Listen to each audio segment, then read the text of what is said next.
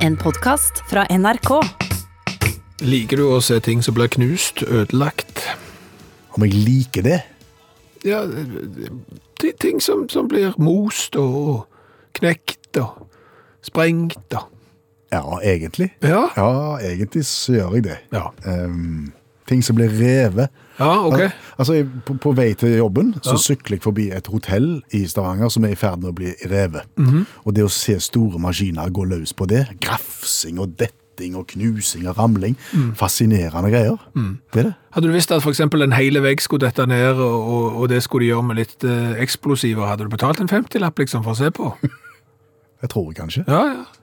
Ja. Nei, for det tror jeg òg, og, og jeg tror det ut ifra at jeg har et inntrykk, f.eks. hvis du ser på YouTube og sånn, på internett, at ødeleggelser, Ja. det, det er populært. Altså Hvis folk eh, tuller litt med litt sprengstoff og sprenger tre eller noe, eller eh, hiver et eller annet i en sånn en blender og ser om det blir ødelagt, og sånn, folk blir sittende og se, se på det. Og da tenker jo jeg at det er jo veldig mange ting i dette samfunnet her som blir kassert. Det er for gammelt, det skal rives, det skal resirkuleres. Kunne det vært en idé eksempel å sprengt en del ting eh, for inngangspenger? For underholdningen sin. Ja, ja. Ja. Ja. Hva skulle en gjort med pengene, da? Med inngangspengene? Nei, hva skulle du gjort med inngangspenger? Det, det kunne du eksempel ha investert i resirkulering etterpå. Altså i nye ting. Det er jo bare, det er jo en vinn-vinn-situasjon på alle vis. Så får du litt underholdning med på kjøpet, ja. Ja, ja, for jeg tror historien viser at det å, å ødelegge ting, det kan ha stor underholdningsverdi. Det har vi nå skjønt. Ja, men jeg tror drar du tilbake til 1896 og Texas, så får du det ultimate bevis på at hvis du bare ødelegger stort nok, så er det show. Hva skjedde for 100 år siden? Altså, det var en eh, som jobbet i Jernbaneverket som heter William Crush. Hette han Crush? Ja, han heter Crush. Uh, Crash Crush. Nei, han heter Crush. Uh, han hadde jo da fått for seg, etter å ha blitt in inspirert av at noen kolliderte et tog året før, Med vilje. med vilje, ja, eh, for underholdningens del, så ble han litt inspirert og tenkte det her må jeg gjøre større. Det holder ikke med ett tog, jeg må ha to. Og de må frontkollidere. Uten folk, håper jeg. Ja, ja, selvfølgelig. Eh, så da planla jo han Først gikk han ut til sjefene sine, møtte jo litt motbør, da, men han, han klarte nå å overtale de til det. Og, Hva begrunner du det med, da? Nei, vet ikke jeg. Det er spektakulært. Nei, han- han- det, når de kolliderte ett tog, så beskrev jo amerikansk presse dette som et av de mest spektakulære showene som var produsert for allmennheten i Amerika noen gang. Å ja. Ja. Og så ville han toppe det, ja. Så ville han toppe det. Så da fikk han jo tak i to 35 tonn tunge sånne lokomotiv, Oi, oi. og så bygde han en by.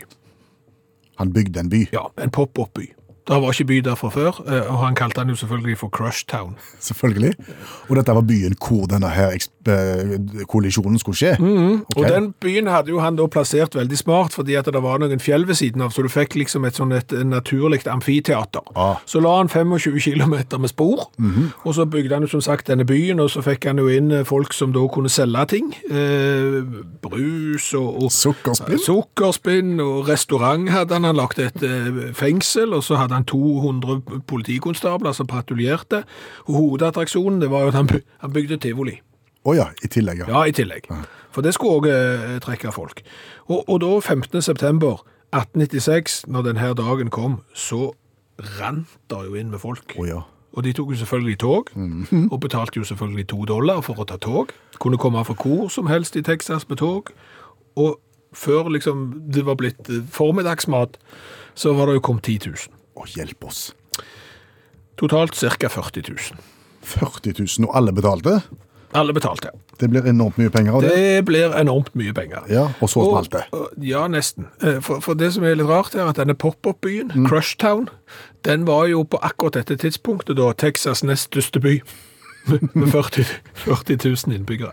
Så var det jo også få gang på toga. Ja, 80 km i timen, rett mot hverandre. uten folk. Uten folk, ja. Mm. Det smalt. Det vil jeg tro. Disse herrene kjelene, for dette var jo damplokomotiv, de eksploderte jo samtidig, og lufta ble jo fullt av skrot og, og mirakels og jernbiter i størrelse fra frimerker opp til halve hjul. Ble folk skada? Ja. Det gikk ikke spesielt godt, nei. Det datt jo ned på både fattig og rik, for å si det sånn, for stor og små. Det var minst to folk som ble skada. En del folk fikk brannskader på av kokende vann. Han stakkars JC Dean, han mista et øye, for han fikk en stålbolt i øyet. Og selvfølgelig Crush, mannen med ideen, han fikk sparken. Det gjorde han, ja. En Og så- liten stund. En liten stund? Ja, så fikk han jobben tilbake igjen. Hva da for? Når jernbaneselskapet fant ut hvorfor en enorme suksess det her faktisk hadde vært. Altså, de betalte jo han som staua, han fikk eh, 10 000 dollar i kompensasjon, og så fikk han sånn, reis med tog resten av livet, ingen problem. Og så tok de eh, av en del av de andre som hadde blitt skadet. Men de fikk en sånn en kolossal oppmerksomhet for dette her eh, greiene her, i både nasjonal og internasjonal presse, at det ble jo sett på som en suksess av de helt store sånn markedsføringsmessig. Og folk glemmer aldri smellet. 1896, Ja. Texas. Hallo, ja. Hallais, Klingsheim! Hei, Stavanger-smurfen. Stavanger-kameratene, go, go, go! Jeg skal trege deg igjen. Viking ble det første laget til å vinne på det nye stadion til Sandnes. De slo Sandnes 3-1. Jeg ler meg i hjel. Ja. du! ja. Du trenger ikke reise til Vegas på Sola eller Rio på Sola. Nei. Nei, det blir ikke noe av. Nei.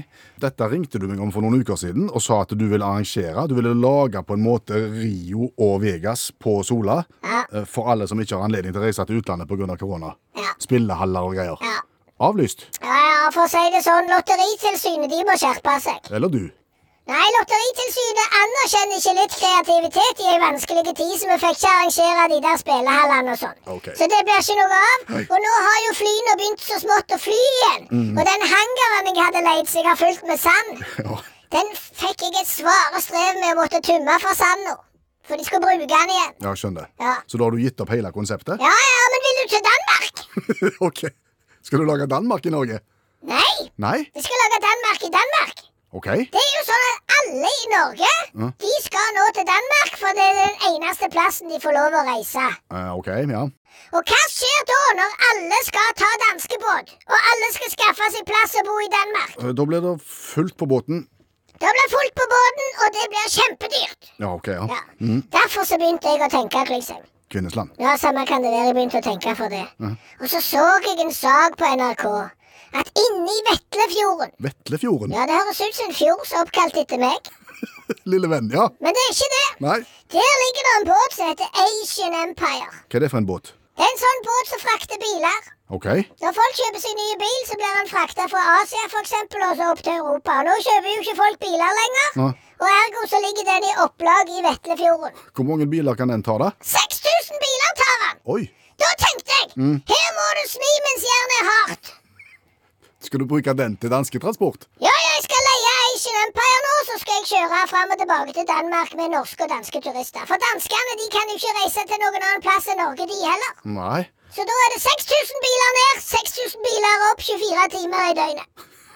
Men hva sier danskene når du kommer, kommer deisende inn med 6000 nordmenn som ikke nødvendigvis har en plass å bo? Daus! Daus, sier dansken. Eller noe sånt. Ja vel. Men det er ikke noe problem. Nei. Har du hørt om husbytte? Husbytte har jeg hørt om. Det er sånn, du får ikke bestille plass på Asian Empire før du har bytta hus med en danske.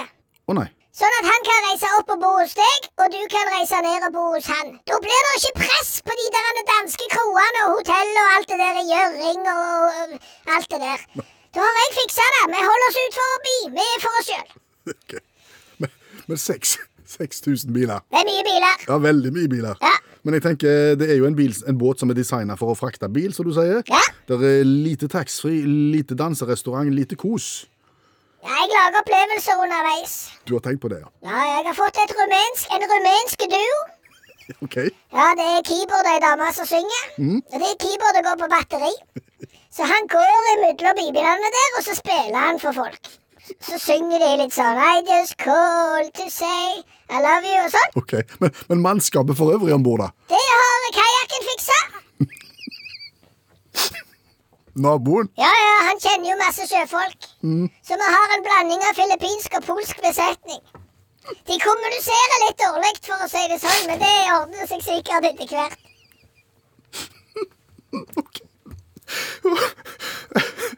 Hvor, hvor skal båten gå fra med 6000 nordmenn? Egersund. Egersund, ja. Ja. Egersund til Hanstholm. Ja vel. Danskebåten gikk fra Egersund før, men det gjør han ikke lenger. Ergo er det ledig. Og Hanstholm tror jeg ikke er så travelt som Hirsals. Nei vel. Så vi holder oss ut forbi Klingsheim. Blir det servering om bord? Ja, jeg har en sånn trallevogn. Trallevogn. Ja, så går imellom bilene der, og så selger vi grillpølser fra Gilde på vei ned, og så selger vi røde pølser på vei opp. til danskene. Ja. Skal du være med? Det høres fristende ut. Ja. Det høres ut som en opplevelse. Ja, ja, ja. Spesielt det der rumenske danseorkesteret. Det var det jeg tenkte på. I just call to say I love you. Du, du, du, du. Ja, Du bør ikke synge Klingsheim, du har ikke greie på det. Snakkes! Ha det. Du, Ja. hvis du hadde tatt på deg en løgndetektor nå, så må du innbille deg, for nå må du være helt ærlig. Okay. Ja, det er ikke pinlig. Jeg skal ikke spørre om sånn pinlige ting. Jeg skal love å svare ærlig. Ja. Ok. Hvor mange ganger i ditt liv har du lest de vilkårene som kommer når du på en måte skal leie, kjøpe, skaffe deg programvare, et eller annet, så kommer det en sånn lang sånn en license agreement og, og, og sånne ting. Hvor mange ganger har du lest alt det? Før jeg trykker ja, jeg er enig. Ja. Ingen. jeg tror ikke jeg er alene om det. Nei, du er ikke alene om det, ikke jeg heller. Nei. Altså, jeg tror det korteste versjonen av sånne må være to sider, og de lengste er fire. Det er jo hundrevis, det er jo helt, helt løk. Ja. Og, og du møter de stadig på nye ting, på nye plattformer, og du ender med å trykke alle tiders i gass, Ja. jeg er enig. Og du aner ikke hva som står der. Nei, du mener de kan ha lurt meg? Nei, Jeg bare tenker at her er det jo potensialet potensial for eh, enten en spøk eller en svindel eller noe, for når ingen leser det, så kan du jo nesten legge inn hva som helst. Ja, midt inni der. Ja. Så, og for øvrig så skal vi ha huset og hagen din om 14 dager. Ja, og- ja takk. Greit. I henhold til denne her avtalen så har Per Øystein Kvinnelsland solgt sjela si til djevelen, og, og vi stjeler da gitaren hans i tillegg, og et eller annet. Det, det bør det jo være.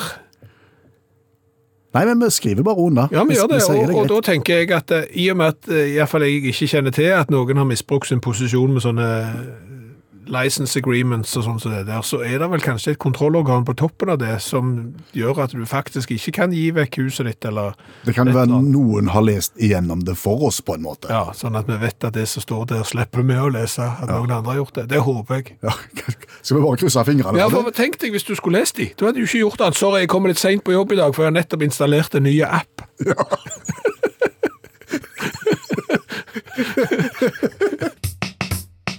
Kom og kjøp, kom og kjøp, billig respirator, hvem vil ha?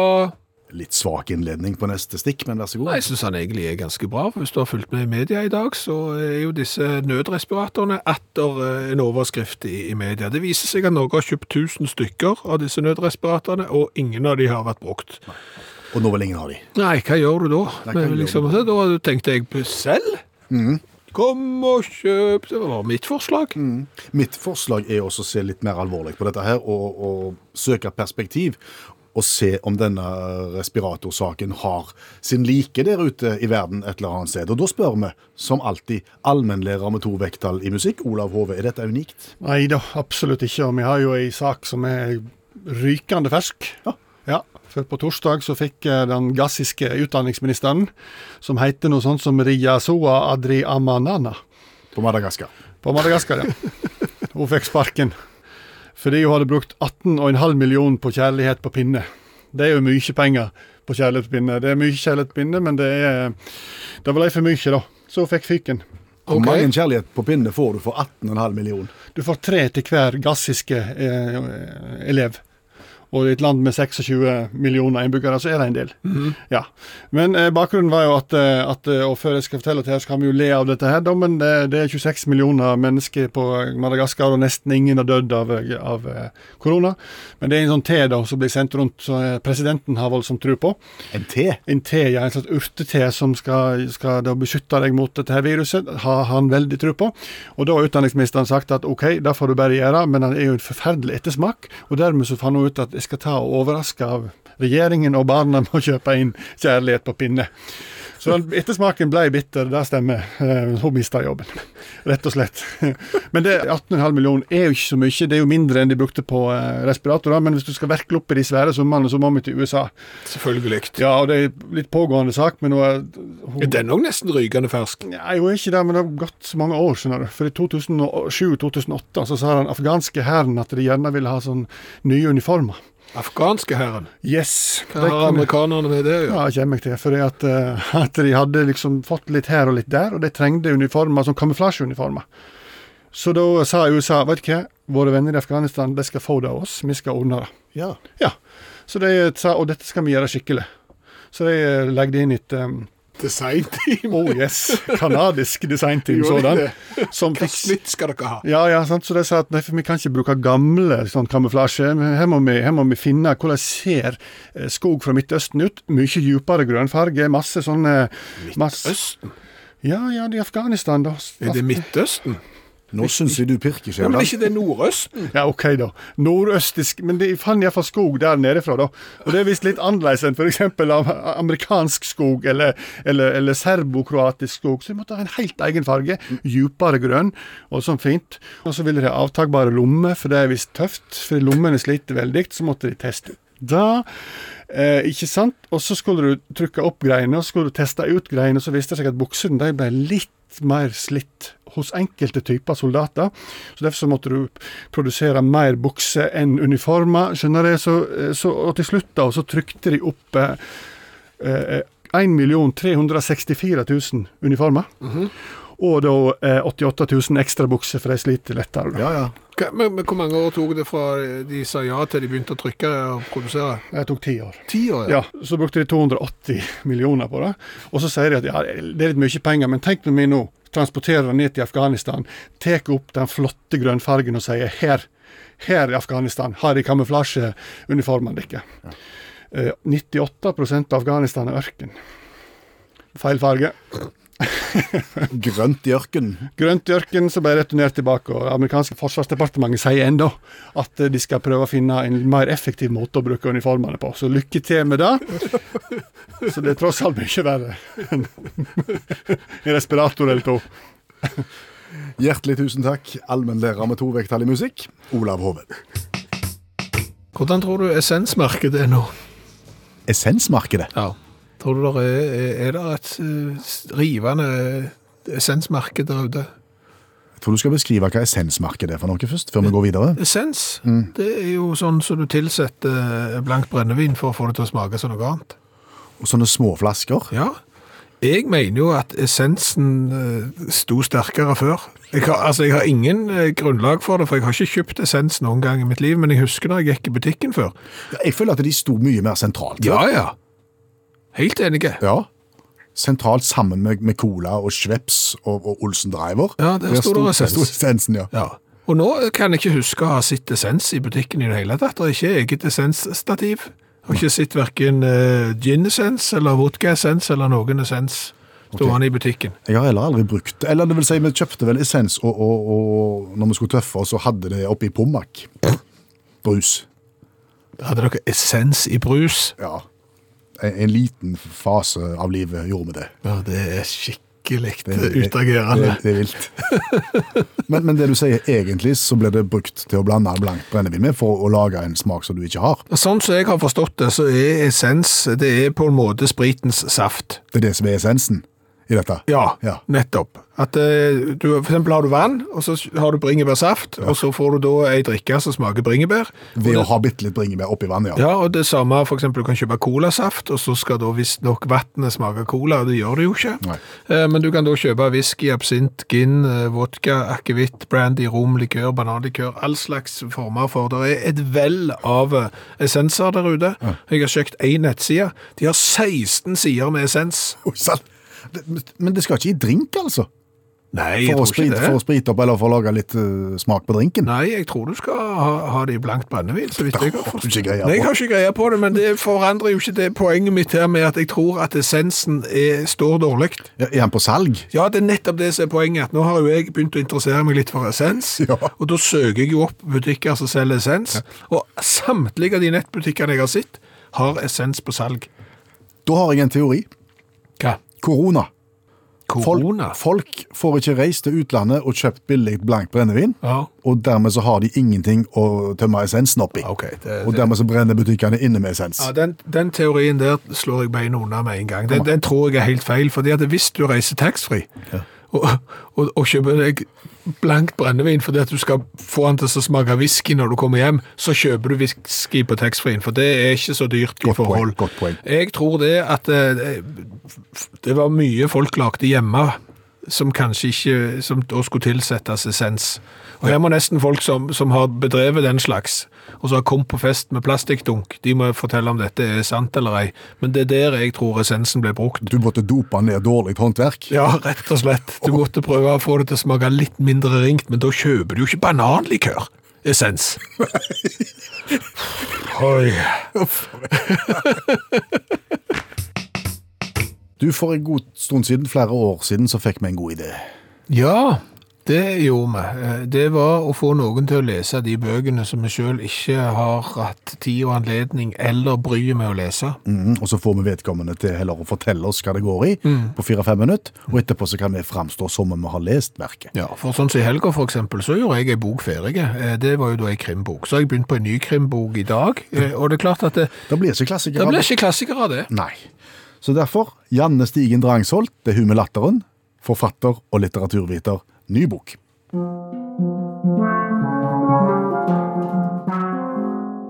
Nå skal du få lære Alice sønn fra 1935 av Magnhild Holke. Det er ikke bare lett å bo hos svigerforeldrene sine med et lite barn når mannen er på sjøen hele tida. Heller ikke med to barn. Det er sjelden lett å bo hos svigerforeldre, egentlig. Herlighet. Jeg skjønner ikke hva de tenkte på. Altså, vet du hvor lenge han mannen er vekke om gangen? Seks år. Og da liksom, ja, er det greit du bor hos foreldrene mine imens? Så han de- kommer bare hjem, og så bedekker han eh, kona, Ja. og så reiser han igjen. Ja, ja, ja. Eh, og, og, hans, og problemet er jo at hans sønnen, da, eh, Elling, han er ikke et enkelt barn å oppdra. Eh, så det, det som boka egentlig handler om, det er på en måte litt sånn av bygdedyret, på en måte, eller det der med at folk mener alltid så sykt mye om det å være forelder, og hvor enormt sånn stort press det kan være. Og når du bor hos svigerforeldrene, og de òg bare klager hele tida og liksom sier at det, For hver gang han eh, Elling gjør en feil, da, så sier de at eh, han er en tufs til kar. Så det får han høre hele tida, og hun eh, De klager på hun hele tida, og alle klager, og alle mener masse, og det går, det går så utrolig dårlig eh, at det er bare helt sånn eh, forferdelig vondt å lese. Men hvem var det som hadde skrevet, sa du? Det, hun heter Magnhild Holke, og dette her er en sånn oversett eh, klassiker som faktisk kommer i ny utgave nå i, i år. Eh, og det er jo fordi at den har blitt glemt, oversett og ignorert, så nå blir den løfta fram igjen. Og det er ei fantastisk eh, bok som har utrolig stor relevans i dag òg, selv om på en måte det er lettere eh, å, å være forelder på mange måter. I dag så er det jo fremdeles sånn at det, en mener jo veldig mye om det å være mor og det å være forelder, og en dømmer jo andre og liksom sier ofte at ja, du gjør feil og Det er jo ikke lettere å være forelder i dag. Altså, Du skal på foreldremøter, og så skal du ta stilling til hvor mye penger vi skal gi i eh, gave. Det er 50 kroner. Om vi skal ha lov å ha med saft i storefri, f.eks. Eh, må du invitere alle i bursdagsselskap? Det er ikke lett å være foreldre i det hele tatt. Nei, jeg føler jeg- mye av de samme problemene her som er tydelig og Alice har i forhold til sin sønn og sin svigerforeldre, Ja. foreldre er relevant. Ja, det er det faktisk. Eh, og det er jo òg det der med skjermtid. Som jo alle ikke har eh, å forholde seg til. Så det, noen ting kanskje var kanskje lettere òg, da. Forfatteren. Hun eh, var eh, lærer, jobbet som lærer store deler av livet. Eh, og det som er interessant, er at i denne boka så er det én sympatisk person, og det er en lærer, faktisk. Rart. Hun hadde ganske mange tanker faktisk om barneoppdragelse da sjøl. Så hun hadde ikke barn, men hun mente at barn skal ikke oppdrages, men oppdages. Ah. Så hun var veldig opptatt av dette her med at eh, du skal ikke irettesette dem så veldig mye, men du skal se dem for de gullkorna de er. Men du sa at eh, Elling som vokser opp, eh, en snodig skrue. Mm. Jeg kjenner en annen forfatter jeg, som har skrevet om Elling som også er en snodig skrue. Mm, jeg tenkte på det, men jeg vet ikke om det er om, om han Ingvar Ambjørnsen er, er inspirert av, av Holke, eller hva som er lenka der, men jeg òg tenkte på det. Men var de mye tufs? Altså, For jeg har vel ikke hørt ordet tufs siden vi var innom fuglene. Der, der er det vel tufs. Herlighet, vet du hva. Og jeg, jeg blir så glad. Jeg blir så full av glede. Det er helt fantastisk. For på en måte så får jeg litt lyst til å bruke, begynne å bruke ordet tufs igjen. At det Jeg vet ikke. Er det, er det noe vi Det får ta tilbake? det er ikke noe vi må ta tilbake. Da bruker vi heller taskenspiller. taskenspiller. Tasken spiller. Ja, det er for lite brukt. OK, men da er det greit. Jeg er med på det. Et berømt sitat fra Ja. Alice Sønn. Ja, det er et, eh, et sånn ganske sånn hjerteskjærende som viser hvor enormt kjipt du har det der å bo med de der med sure svigerforeldrene.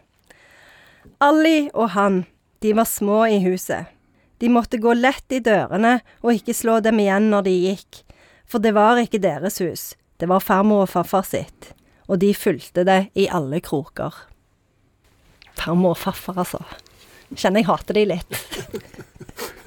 Vil du oppsummere Alice Sønn? Jeg tror dette kan være en veldig bra bok å lese for de som eventuelt tenker at de skal bo hos svigerforeldrene mens de bygger nytt hus. Så viser det seg at denne den byggingen av nytt hus tar litt lengre tid enn du faktisk hadde trodd. Faktisk ganske mye lengre tid enn du hadde trodd. Så den her burde nok flere lest før de gikk i gang med sånne prosesser.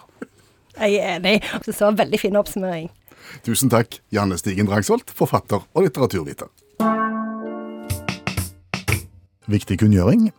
Dette er siste utaktprogram på en mandagskveld før 17. august. Men vi skal ikke ha lang ferie av den grunn. Nei, det nå tenkte sikkert noen får noen latsabber, nå skal de ha sånn lang ferie som Skavlan og sånn, men det skal vi ikke. Nei. Det er bare det at utakt blir nå et daglig fenomen istedenfor. Yes, Fra og med neste mandag, 15. juni, og en måned framover, så får du uttakt hver dag, mandag til torsdag, mellom 17 og 19 på ettermiddagen. Ja. Så skal vi ha litt ferie, og så er vi tilbake med vanlige mandagssendinger igjen fra 17. august. Ja, men det syns jeg var veldig bra sagt. Da er det oppsummert. OK. Uh, utakt på daglig basis, altså fra og med neste mandag. Allting ble stilt, Ja. For det var det som skjedde. ja, det er for så vidt det som har skjedd, ja. Mm. og, og vi snakker om ettermontering av eh, DAB-radio i en bil som ikke har DAB-radio fra før. Ja, for du har kjøpt bruktbil. Ja, jeg kjøpte jo eh, en fransk elektrisk bil for en tid tilbake, og den hadde ikke originalt DAB-radio. Nei.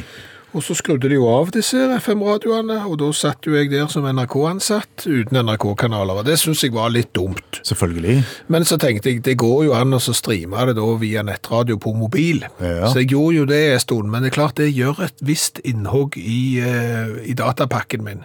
Så jeg fant ut, jeg må få meg et DAB-adapter. Ja, OK.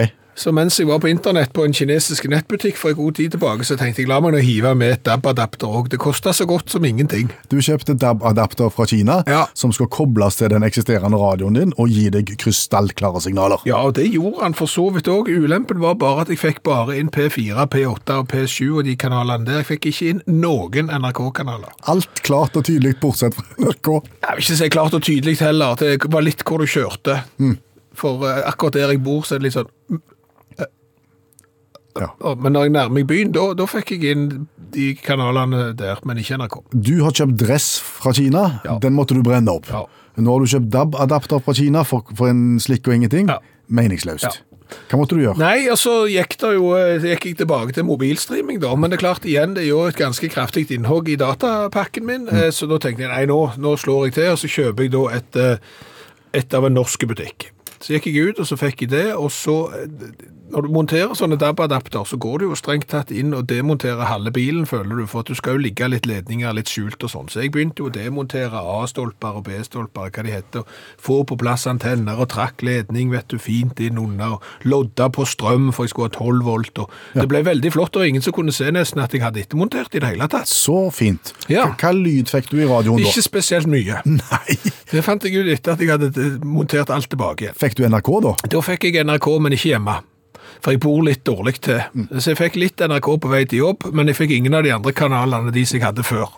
Ok, Så da har du prøvd en norsk variant, en kinesisk variant, Ja. og fortsatt står du uten lyd. Ja. Hva gjør vi da? Da var jeg hos en spesialist, det må du gjøre, Ja. som sier at der du bor, og den veistrekningen du kjører, der må du ikke ha antenne i vinduet, sånn som svært mange har når de har ettermontert DAB. Hvor skal du ha antenner Du skal ha den på taket. Å ja. Så da kunne jeg kjøpe meg et relativt dyrt sett, synes jeg selv, til å sette den eksisterende antennen og gjøre den om til DAB-antenne, og bruke det eksisterende ledningsnettet, hvis du forstår. Smart. Ja, så da demonterte jeg bokstavelig talt hele midtkonsollen i bilen for å ta ut radioen, den med sånn skjerm og alt i sammen, kobla på dette her, det gjorde jeg i dag. Ja. Lå der på alle fire, demonterte alle disse B-stolpene og trakk ut ledninger og ordna til. Kobla på. Nå Aldri hatt så dårlige radio som i dag. Da var frustrasjonen 100% på topp, Ja. og jeg følte jeg hadde hevet penger ut av vinduet og ringte til butikken og spurte hva i all verden det var for noe. Så viser det seg det at den antennen jeg har drevet og kobla på, Ja. på baksiden av det som jeg tror er radioen, det er GPS-antennen. Det er navigasjonsantennen, har ingenting med radio å gjøre i det hele tatt. Det får du ikke 80-tallshitter gjennom du, den. du gjør ikke det. Nei. Men jeg finner jo ikke radioen. Nei, nå snakker du et språk som ikke mange forstår, men altså, du finner ikke radioen, sier du. Det. Radioen står jo framme montert over girspaken. Nei, skjermen til radioen står montert over girspaken framme. Der jeg trykker og velger kanaler og sånt, den er der. Men det er jo bare som en skjerm, for radioen ligger en annen plass i bilen. Den er jo bare forbundet med, med noen ledninger opp til skjermen. Og det er den du må ha tak i, Det er den jeg må ha tak i, for det er der antennen er. Vet du hva jeg hadde gjort da? Nei. Gått til forhandleren av bilen. Jo, Hvor vanskelig kan det være? Nei, hvor vanskelig kan det være? Men for å si det sånn, jeg vet ikke om jeg har helt tiltro til de. For sist gang jeg var inne, så hadde jeg en skeiv dør, og da sa de de kommer til å ta av framskjermen, det kommer til å koste 6000 kroner å fikse det. Så tenkte jeg 6000 kroner, er du galen? Så jeg gikk jeg hjem, skrudde jeg opp to skruer, tok meg et kvarter og noe dør og bein. Jeg vet Så ikke om jeg stoler på det. Nei, så du tror de kommer til å lure deg denne gangen? og sier at radioen ligger inne i hjulbuen. Jeg har lagt ut en beskjed på et eller annet forum, så jeg håper jeg finner hvor radioen er. Så i løpet av kanskje de nærmeste 14 dagene så har jeg kanskje P1. Det hadde vært kjekt hvis du kunne hørt programmet vårt når det går i opptak på lørdagen. Å ja, det hadde vært kjekt. Cold as ice, og jeg håper colaen vi nå skal smake, er cold as ice. Ja, han er iskald, men jeg har ingen forventninger til denne colaen i det hele tatt. Fordomsbarometeret mitt står på fullt utslag. Da kan det være to ting. Enten så er han tilsatt en eller annen smak en noe pasjonsfrukt eller tyggegummismak, eller så er det noe sånn at det skal være sunt. Ja, Det er for så vidt ingen av delene. Det er nemlig en energidrikk-cola.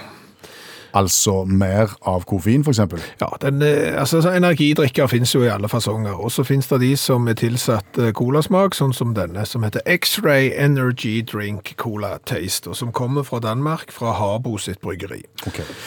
Bare litt bakgrunnshistorie her for eventuelt nye lyttere.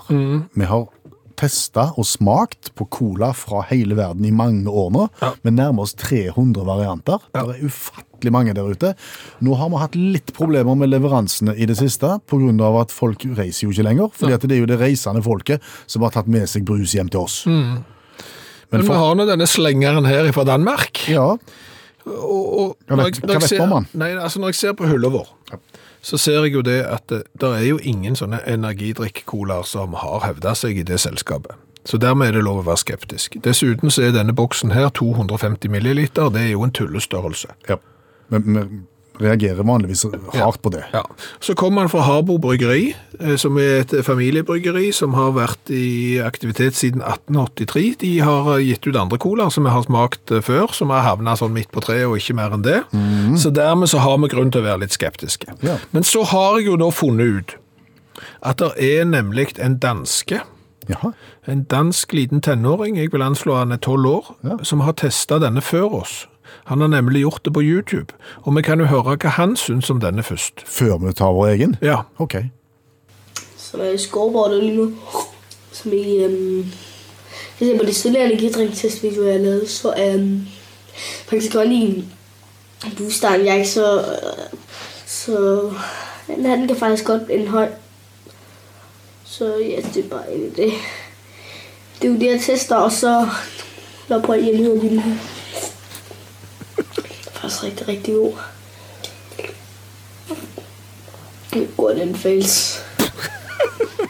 Men jeg ikke Jeg har at spise det. Er det bare meg? Nei, det er ikke bare deg. Jeg forsto ingenting. Jo, jeg forsto en setning var riktig, riktig god. Riktig, riktig god. Ok. Riktig, riktig god. Ellers så forstår jeg ingenting. Dansk tenåring sier at den er riktig, riktig god. Nå skal vi prøve selv. X-Ray Energy Cola. Åh, det, lyden er god. Altså, lyden er kanskje det vakreste som finnes, altså, etter Ja, vi elsker. Og- Den lukta Å, tyggegummi. fytti katta, for det lukta jo en hel godteributikk. Ja. La oss smake. Én til ti på smak.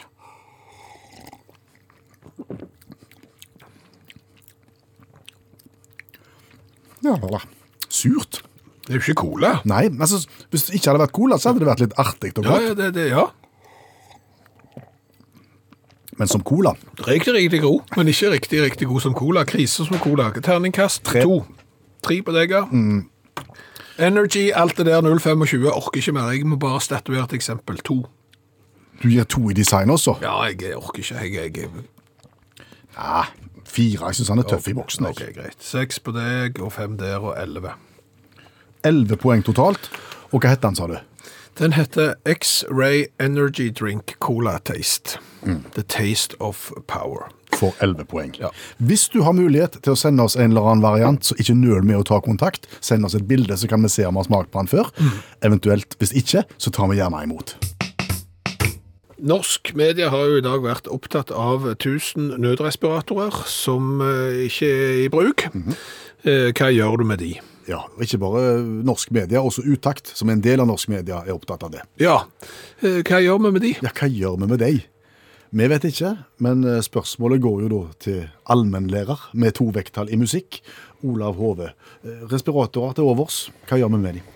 Eh, godt spørsmål, men de kan gjøre som i USA. De kan, de kan auksjonere det vekk.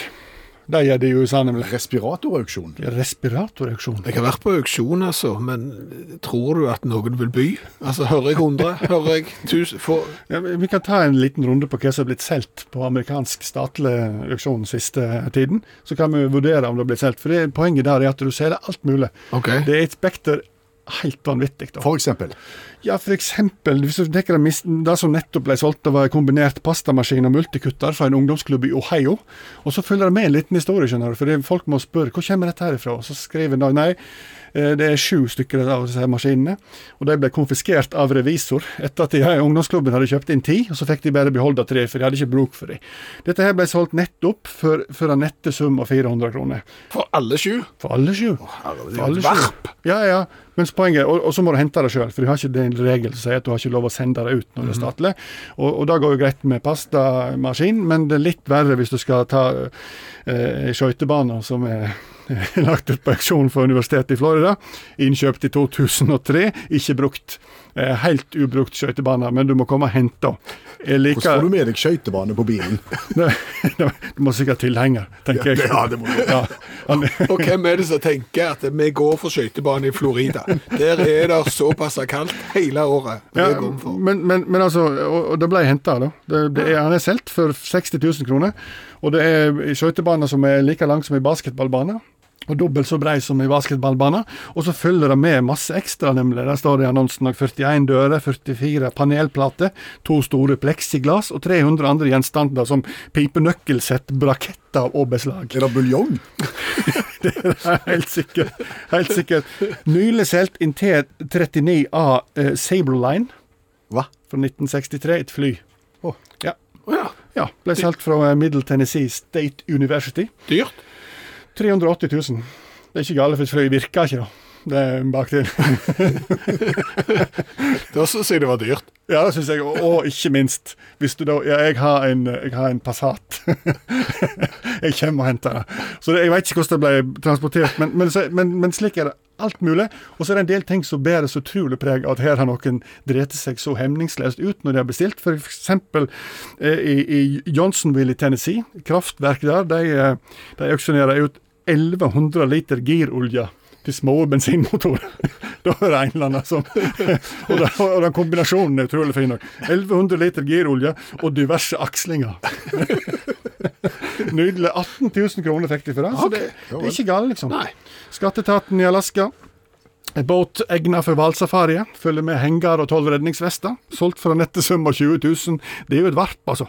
Jo, jo, men jeg ser jo for meg at en båt som skal brukes til hvalfasari, hvalsafari, den, den har jo et bruksområde. Det er klart, nødrespiratorer som ikke engang eh, sykehusansatte vil benytte seg av, de kan være vonde å selge. Ja. Men likevel. En kan jo prøve. Kanskje det. Kan du selge skøytebane, så kan du selge respirator. Men altså, auksjonere vekk 1000 nødrespiratorer, tror jeg kan være vanskelig, med mindre den der armen vi har. Har dere sett den på TV? Ja. Det er jo en sånn mekanisk arm som går sånn. Altså, hvis den er med, da, ser jeg et voldsomt potensial i den. En sånn en arm som går opp og ned. Du kan feste den på gyngestol, eksempel. Så har du Ja. automatisk gyngestol. Whip, og da øker jo plutselig potensialet hvis du ser vekk fra den der blåsebelgen. Har du ingen å ta håndbak med, f.eks. Så, så kan du kjøpe deg en nødrespirator, så kan du sitte Nei, jeg tapte igjen. OK, prøver jeg på ny. Nei, jeg tapte igjen. Selv liksom 1000 armbakmaskiner eller gyngestolgyngere. Takk, allmennlærer med to vekttall i musikk, Olav Hove.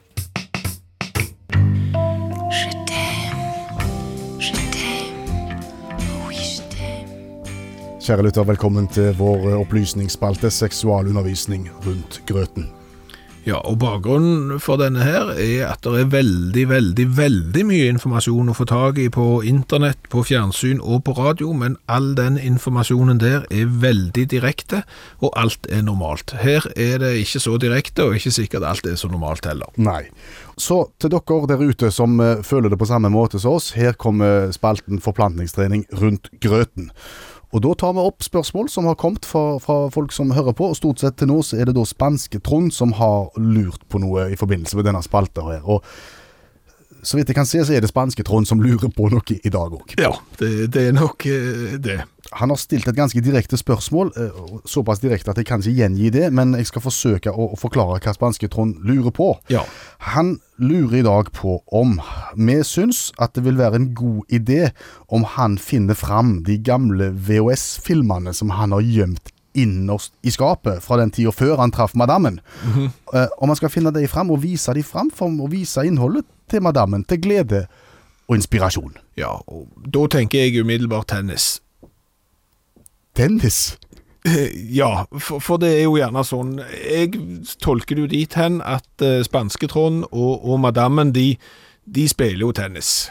Såkalt mixed uh, double uh, spiller de. Eh, og så er jo spørsmålet da om spanske Trond skal ta med madammen til Wimbledon og se på de profesjonelle tennisspillerne, for eventuelt å plukke opp noen triks.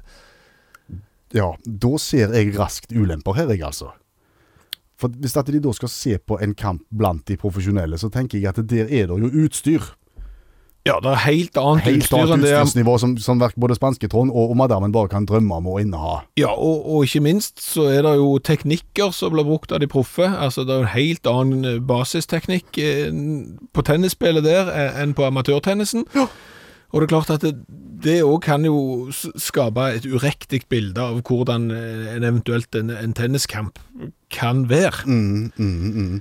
Og, og, og, og ser madammen da på disse yppige tennisspillerskene med, med uhyre ko- korte skjørt? Ja, med minimal bekledning, og kanskje det Og en som sånn en feiende flott teknikk? Ja, men jeg tror nok kanskje òg det som er med, med, med profesjonell tennis, det er jo òg det at eh, hver gang de slår, Ja. så er det jo Det er det òg, ja. og, og, og det er klart det kan virke unaturlig eh, for mange, rett og slett. Litt påtatt eh, og, og ikke ekte. Så, så, så det, det som er vrient her, det er jo å finne ut av hvordan vil du da se på en profesjonell tenniskamp. For, for, for mange vil jo se på dette som en inspirasjonskilde til å gå videre og på en, kanskje bli bedre i, i grunnspillet. Ja, Eller så kan en miste fullstendig mot og si det der vil jeg aldri få til. Vil du anbefale en kamp med aldersbestemt i stedet for, kanskje? Det vil jeg absolutt ikke anbefale i det hele tatt. Det tror jeg kan komme veldig skjevt ut hvis du går ned på aldersbestemt nivå. Altså enten så må du må gå veldig varsomt fram når du sår denne ideen om eventuelt å, å, å reise til Wimbledon og se på, på, på proffene med, med proft utstyr og, og proff teknikk. Eh, og, og hvis vedkommende syns at det her er en dårlig idé, og la oss holde oss på det basisnivået vi sjøl har, og eventuelt utvikle det, Da gjør vi det. da gjør du det. Men, men er, det, er det en viss interesse for det, så ta gjerne madammen med på, på tenniskamp. Og, og, og ta med dere det som dere finner interessant, og legg vekk det som ikke passer for dere. Ja, eksempel de ballguttene som springer fram og tilbake foran nettet, de tror jeg bare du skal la være hjemme, for det, det blir ugreit. Du, er inspirert av den eh, spalten vi nettopp var innom, Sex rundt grøten, seksualundervisning for de bluferdige. Om jeg kan være bitte litt barnslig og ta fram et poeng da. Enda litt mer barnslige.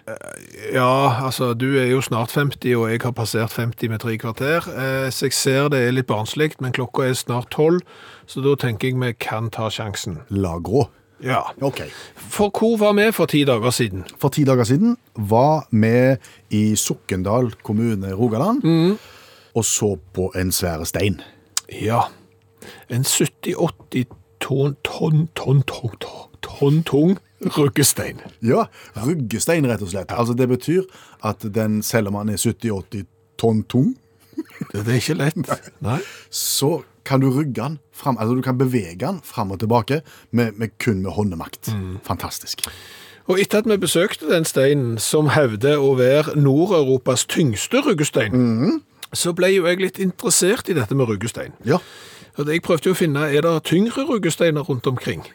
Røkka. Og da er det en del eh, ruggesteinhistorikk som er ganske interessant. Er det det? Ja, ja, okay. Ja. Altså for eksempel i, Ar i Argentina så har de jo hatt en ruggestein som har vært betydelig eh, tyngre enn ruggesteinen i Sokndal. Eh, Den sto på kanten av en annen stein, liksom. Oh, ja. Eh, Helt til den datt ned. Ja, da gjelder den jo ikke lenger. Nei, da gjelder den jo ikke lenger, og det gjelder jo iallfall ikke når de da eh, heiser på plass en plastikkopi. Kan ikke måle seg Nei, nei, det kan jo ikke det. Og det har vært store ruggesteiner rundt omkring i verden som er på en måte ferdigrugd. Ferdigrugd? rugd? Ja, men altså, turister har vært altså, i, liksom På 20-tallet så, så satte folk seg og så campa de oppå. Syntes det var kjempekjekt å spise matpakken på et stor ruggestein som da bevegde seg. Og så har han rugd og rugd og rugd, og så har på en måte har du slitt vekk ruggepunktet. Ah, så nå rugger han ikke lenger? Nei. Nei, Da gjelder han ikke. Nei, nei, nei, nei. Men så kom jeg jo til ruggesteinen i Vimmerby. Ja. I Rumskulla sokken. Er du i nærheten av Småland? Ja, ja, ja. Er ja det, ja? Altså I Vimmerby kommune, eh, det er vel der så Astrid Lindgren eh, holder til, Mm. holdt til. Der skal det være en stor ruggestein. Du sa at dette skulle være litt pinlig og litt flaut. Så langt så har det gått helt fint. Ja, men det er nå det kommer. Å. Ja. Fordi at denne steinen, som ifølge svenskene er på 260 tonn, ungefær. Og nesten tre ganger så stor som vår i Sokndal. Ja. ja. Den kan du uh, vagge. Vagge. Ja, Er det en men- vaggestein? Nei, du kan vagge den med håndkraft. Det er en flyttblokk. Ja. Men det kalles på svensk. Så kalles det runkestein. Det kaltes Runkestein. godt. Ja.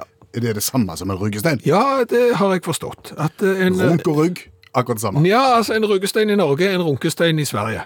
Og det er da jeg tenker at hvis eh, det nå er svensker som hører på, og får lyst Nei, de får ikke lov å komme til Norge i sommer. Nei, men ok, hvis de har lyst til å komme til Norge neste sommer, så ser jeg jo for meg en svensk bataljon som turer nedover Sukkendal kommune og spør Har ni sett runkstenen? Ja.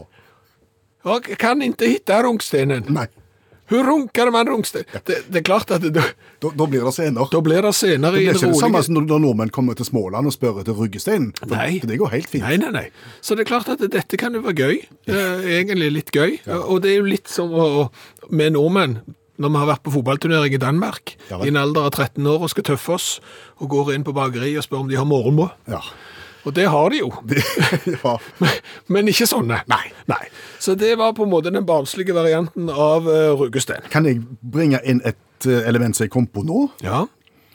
Du, den- i Sokndal, Ja. den sa du var 70-80 tonn, og den ligger der. Ja. Hvem kom på at det gikk an? Mon tro jeg klarer å dytte den med hendene mine? Den er jo gedigen. ja, der ligger det en stein. Den skal jeg prøve å dytte. Nei, Du ville aldri tenkt tanken. Nei, og én ting er jo det, men, men et annet element i det er jo at Jeg skal ikke si hovedveien, for det er det jo ikke, men det har jo gått en anleggsvei Ja. opp til grua der i mange eh, herrens år, 100 år tilbake. Så folk har jo beveget seg på ei side av elva, mens ruggesteinen, eller runksteinen som svenskene kaller den, eh, ligger jo på andre sida av elva. Ja. Så nå må det jo gå ei bro over for at folk skal komme til runksteinen. Det var det ikke før, så det betyr at folk må ha vada over elva. Fordi de har tenkt det er en svære Kolla, jeg vil Det er ikke svensker, det er nordmenn. Ja, okay, du vet aldri om det var en svenske som oppdaget den først. Kolla, jeg vil Titta, kan jeg runke på sten? Ja, jeg vet ikke. Sånn, Så har de gjerne reist rundt hele Norge for å finne opp bare bevege på stedet. Den gikk ikke an å bevege. Nei, da reiser vi videre. Du skal komme på det. Ja, du skal det. Ja. Fascinerende greier. Hva har vi lært i kveld? Da må jeg svare mye. Flott. Har jo blant annet lært det at å ødelegge ting, det syns jo vi er god underholdning.